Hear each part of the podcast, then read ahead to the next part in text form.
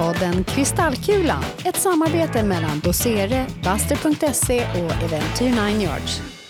Varmt välkomna till ett nytt avsnitt av Trendpodden Kristallkulan. Som vanligt med mig i studion Jörgen Ramnelöv och Boba Wekenstam från Trendpodden Buster och analysföretaget Dosere. Och med oss i studion för andra gången Nina på stan, Nina Mittjas, min underbara kollega från Eventyr 9 Yards. Själv heter jag Martin Li och jobbar som strateg på samma företag. Hur mår ni? Bra. Toppen. Mm, bra, Pollen, eh, pollenallergisk.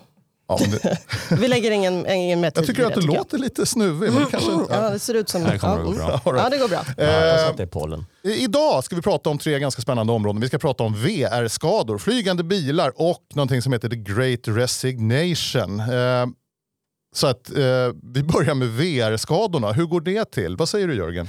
Jo, men det här är ju spännande. Vi eh, har spanat in att eh, det finns ett brittiskt eh, försäkringsbolag som heter Aviva. De har gjort undersökningar bland sina kunder och visar att eh, antalet VR-skador har ökat dramatiskt med 31 procent faktiskt det senaste året. Eh, och det är ju folk liksom som springer in i saker och ramlar omkull och ja, allt möjligt sådana här tokigheter som kan hända. Har, har du skadat dig med VR? Eh, Nej, jag, har faktiskt, jag är lyckligt lottad. Jag har klarat mig hittills Okej. faktiskt. Men jag har varit ganska nära för vi hade en eh, sån här eh, Quest hemma och man får ju plocka, plocka undan allting i sin lägenhet. Det är, annars springer man in i stolar och bord och allt tänkbart.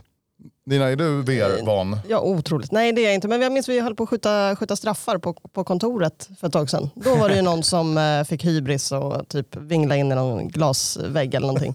Åt det hållet. Men jag har klarat mig själv. Man får någon så här bild framför sig att det är någon som står med så här glasögon och inte ser någonting och så skjuter folk bollar på den. Jag förstår att det kan gå lite illa då. Ja, men jag Eh, tycker också det är intressant det här att det visar ju att liksom det här börjar, vi har ju pratat om VR ganska länge som en liksom sån här trend som skulle komma och eh, vi brukade säga att nej men den har inte kommit än. Men jag tycker det här är ju ett jättebra tecken på att ja, men fasen, folk börjar använda det här. Alla här hade testat det, alla i, i rummet här hade råkat ut för det förut och sådär. Och liksom, det, det tycker jag är spännande. Det är bara ett olyckligt sätt att upptäcka trenden Ah, att ja, folk slår sig. ja. Men jag håller med dig Jörgen om att det här är ju en grej som är på gång och vi har ju pratat om metaverse. Mm. Eh, och när metaverse är verklighet då kan man fundera över hur mycket skador kommer det vara då när folk springer omkring i den här virtuella världen. Men, men är det inte också att det, att det är väldigt dåligt för ögonen när man har på sig de här glasögonen väldigt länge? Läste jag någonstans. Att det är liksom väldigt, väldigt mycket ljus på ögonen väldigt nära. Så, så att det där kommer också bli någonting som... Ögonskador. Ja, Men det är lite som när man har suttit med en läsglasögon väldigt länge och sen tar man av sig dem och så blir, blir man lite så här konstig. Jag tycker det låter lite som när man pratar om när, de, när bilen kom, att när, man, när människan åkte fortare än eh, 20 kilometer i timmen så skulle de få hjärnskador. Det är lite på det temat tycker jag. Nej, men, eh, nej, men jag tycker det, det, är lite, det är spännande att det börjar verkligen sprida sig i samhällsskikten. Och det börjar komma andra produkter också. Ekto, ett företag, har ju gjort VR-skor eh, som man tar på sig. Eh, och de där har ju då en, en känslogrej under som man eh, förflyttar sig i rummet och eh, på det sättet eh, får man en extra VR-upplevelse. Och det kan man tänka sig att springa omkring med sådana där skor. Då, eh, då är det väl ännu mer skador. Vad, hur, hur, berätta, vad, hur funkar de? Exakt hur de funkar, det vet inte jag. Men de är uppkopplade så att när man springer omkring med de där skorna så ser man varandra hur man rör sig i rummet. Så att det, det är ett säkrare sätt när man ska flytta sig eller förflytta sig i VR-världen. Då, då blir det så att säga mer på riktigt. Ja, man, kan, man kan ju förflytta sig stående på en och samma plats liksom, genom att liksom trampa sådär. Annars Förflytta måste du ju sig fysiskt stående. flytta dig. Det är därför du springer in i, Ja, i väggar. Att du, du tror att du ska springa fram och ta någonting och sådär. Men vad händer i, i så här artistvärlden? Jag tycker att eh, man har ju hört att Warner Music håller på med någonting, eh, Foo Fighters. Alltså det här kan, har man ju sett komma lite grann. Är det på väg nu att man kommer att gå på konserter i VR-miljö? Absolut. Uh, det, så, det, här hade vi verkligen en tipping point när det gällde pandemin. Jag menar då när vi inte kunde gå på konsert på riktigt i den fysiska världen. Då började ju de här idéerna dyka upp. Liksom att ja, men nu kan vi, det finns ju faktiskt en teknisk möjlighet att möta sina fans. Och eh, det har ju utforskats av väldigt många artister. Och eh, jag tror att det verkar som erfarenheterna är väldigt positiva. Ja, men jag såg eh, den här Foo Fighters eh, konsert eh, i samband med Super Bowl eh, och det är ju, det är ju coolt gjort. Eh, däremot så är det ju fortfarande inte riktigt den där liksom, publikupplevelsen utan det är ju lite stelt. De står ändå i en studio och eh, den där riktiga närheten får man inte än. Nej, jag, jag, jag, tycker nog att kanske den typen av är ju lite stelt. Eh, det är ju roligare när man har sett de här som till exempel Travis Scott gjorde i eh, var det Roblox eller Fortnite eh, i spelen. Liksom, när man adderar då, man liksom gör någonting mera av det. Man liksom får till den här visuella upplevelsen som är helt omöjlig att skapa i det fysiska rummet. Och där tror jag liksom, det är, det är väl så med mycket sådana här nyheter som kommer att man måste man måste liksom utnyttja mediet. Man måste göra, alltså göra, vad är det bra på? Man måste förstå det. Man ska inte bara liksom ställa upp en kamera och tro att liksom, men nu känns det väl som det var live. Eller?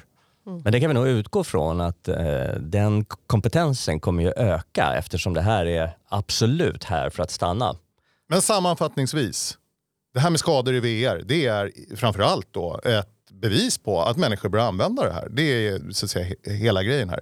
Men, men är det så? Hur mycket skadar sig folk? Nina, du har varit ute och pratat med folk på stan.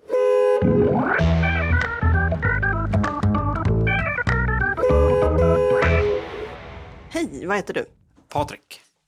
Tydligen så ökar eh, antalet eh, skador i samband med att man har hållit på med VR. Är det någonting, har du, har du varit med om det? Ja, men inte jag personligen, men eh, jag vet ganska tidigt när VR kom så hade jag mingel på min dåvarande arbetsplats där vi hade, man kunde testa på VR. Det var en sån berg och dalbana. Men vi hade en eh, kanske lite kaxig person som fick för sig att Nej, men jag står utan att hålla i mig, det går bra. Kanske 20 sekunder in i den här åkturen så skallade hon bordet framför sig med headsetet för att hon blev så liksom uppspelt av det här eh, den här berg och dalbanan. Så det är väl det närmaste jag kommit ändå.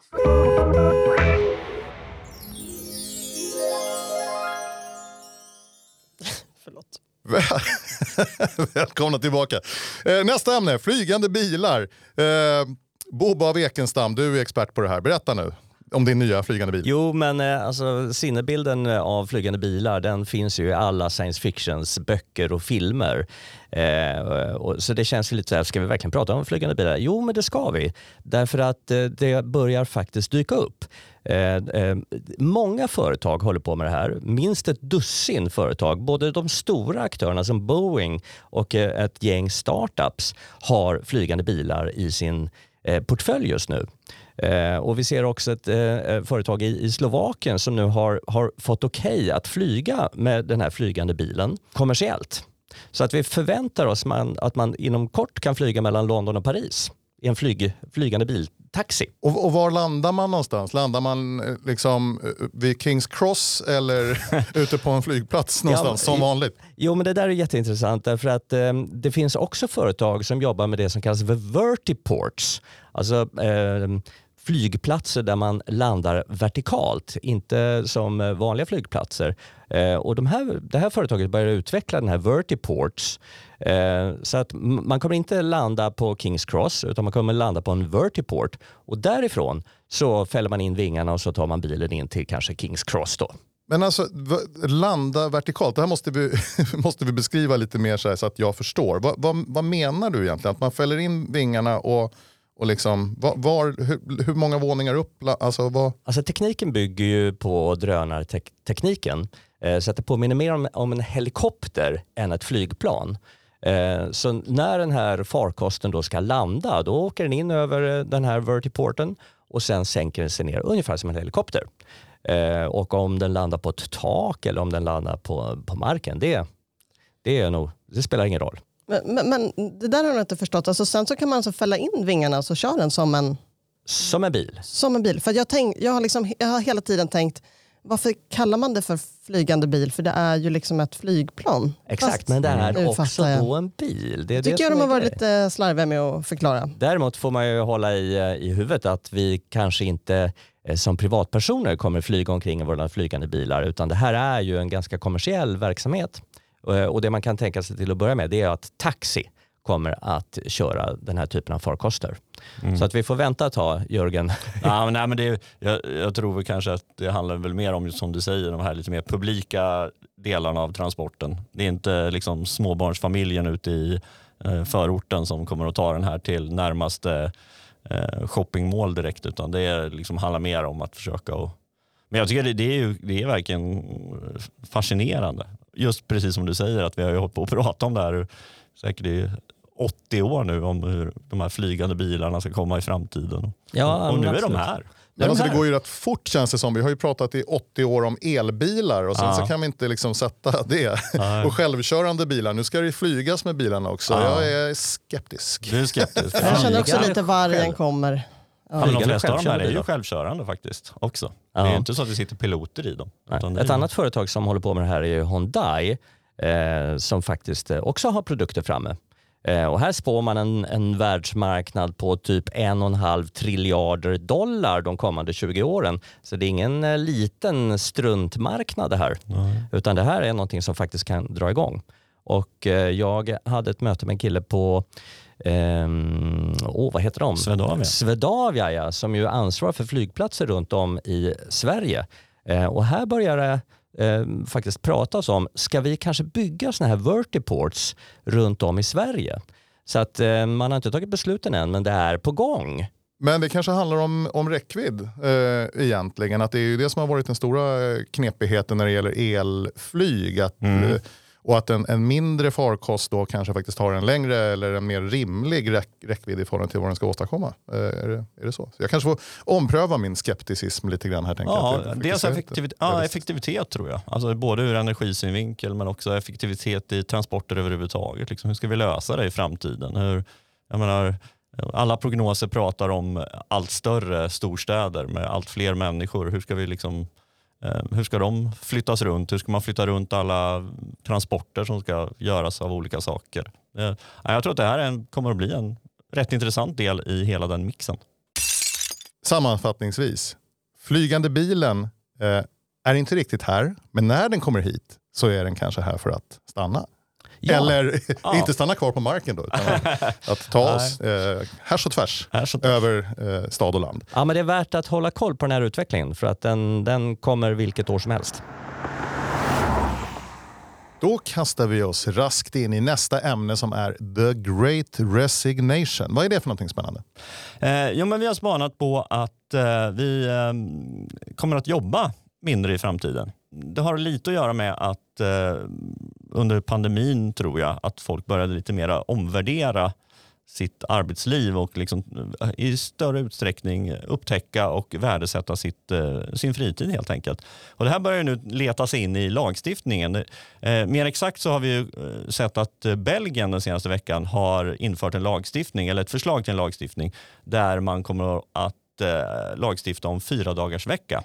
Nu för att vara tydliga så handlar det inte om att man ska eh, jobba färre timmar per vecka utan mer att man kan ha det koncentrerat till fyra dagar. Men jag tycker ändå att det är rätt intressant att man liksom, eh, gör den här avvägningen även juridiskt att vi ska liksom respektera helgen och att vi behöver, vi jobbar så hårt numera så att vi behöver längre tid att återhämta oss kanske. Men det är egentligen en rättighet vi pratar om, att människor får möjlighet att, att omdisponera de timmar man jobbar då. eh, På ett Ja, sätt som, precis. Det är ingen skyldighet utan det är en rättighet. En möjlighet kan man säga. Ja. Ja, men vi, vi kan ju också lägga ett historiskt perspektiv på den här frågan Ja. och konstatera att förr i tiden, om vi backar till till 1800-talet, då jobbade vi typ 17 timmar per dygn. Eh, Det är rätt eh, mycket och dessutom sex dagar i veckan. Så den första lagstiftningen kom 1856 där man försökte få ner det till 12 timmar per dag. Eh, sex dagar i veckan. Det är ju fortfarande ganska mycket för oss. Och 1920 då kom åtta timmars arbetsdag sex dagar i veckan. Så när jag var liten, ja, men då, då gick man i skolan på lördagar eh, och var bara ledig en dag i veckan. Och först 1957 då kom 40 timmars arbetsvecka. Så tendensen här är ju intressant, nämligen att vi eh, kommer att jobba mindre och mindre. Så skruvar vi fram klockan vad det nu ska vara, några år, så lär vi jobba mindre än vad vi gör idag. det har ju lite, tänker jag, att göra med också att vi kanske inte... Be, alltså det är både en önskan om att ha, vara ledig, vem vill inte vara ledig? Liksom.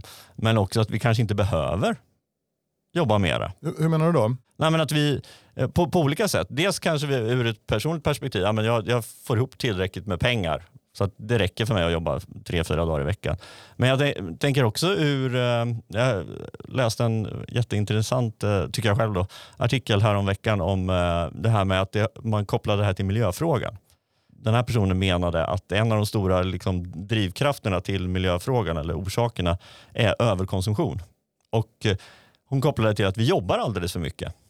För att när vi, liksom, vi jobbar mer än vad vi behöver och vad vi gör vi då? Jo men den, den är liksom, det vi får över. Vi tjänar för mycket helt vi enkelt. tjänar för mycket helt enkelt om man ska vara riktigt krass Mm. faktiskt. Och då används det till ja, så kallad överkonsumtion då. Vilket ju då inte har så bra effekter på, ja det blir fler transporter. Och klimatet. Med klimatet och sådär. Nej, precis. Vad, vad säger du Nina? Eh, handlar du för mycket? För att, Eh, det gör jag alldeles säkert. Men jag, jag, alltså jag önskar att fler resonerade som hon gör där i sin artikel. Mm. Men jag tror inte att det är det som, som driver folk till att jobba mindre. Jag tror att det handlar om att vi är så himla sugna på att förverkliga oss själva nu för tiden.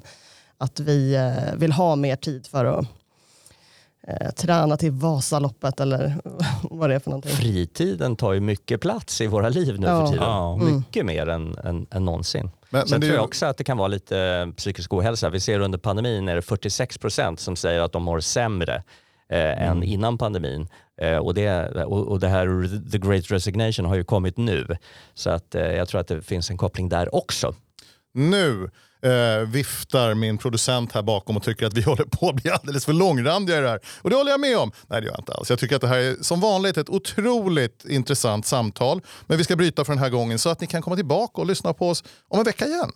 Avslutningsvis, vad, vad, vad Bobo tar du med dig som den mest eh, viktiga, intressanta delen av dagens samtal? Ja, men jag tycker det här the, the great resignation eller the big quit är intressant. Eh, alltså hur kommer vi jobba? Eh, och det kan vi väl uppmana lyssnarna att fundera över. Kan vi jobba mindre? Kan man dra ner sin levnadsstandard? Kanske för att förbättra klimatet. Vad säger du Jörgen? Ja, men jag tänker så här. Ja, men jag skulle gärna vilja ta med att ge, ge lyssnarna att, lite, um, ett uppdrag. Att, eh, när vi pratade VR här så pratar vi om att vi faktiskt är där nu. Att liksom verkligen sätta sig in i liksom, vad betyder det här nu då? För nu det är dags att ta det här på allvar.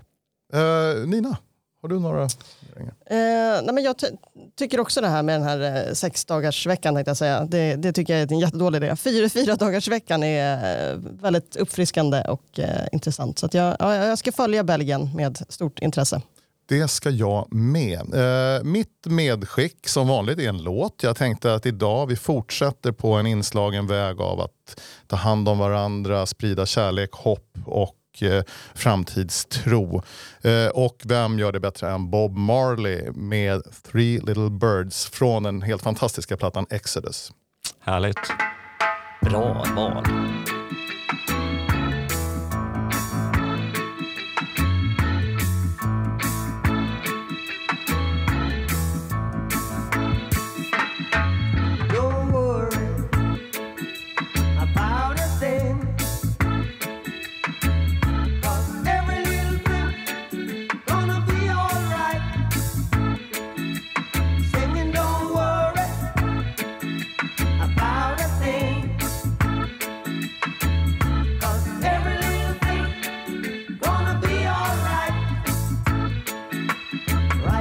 This morning.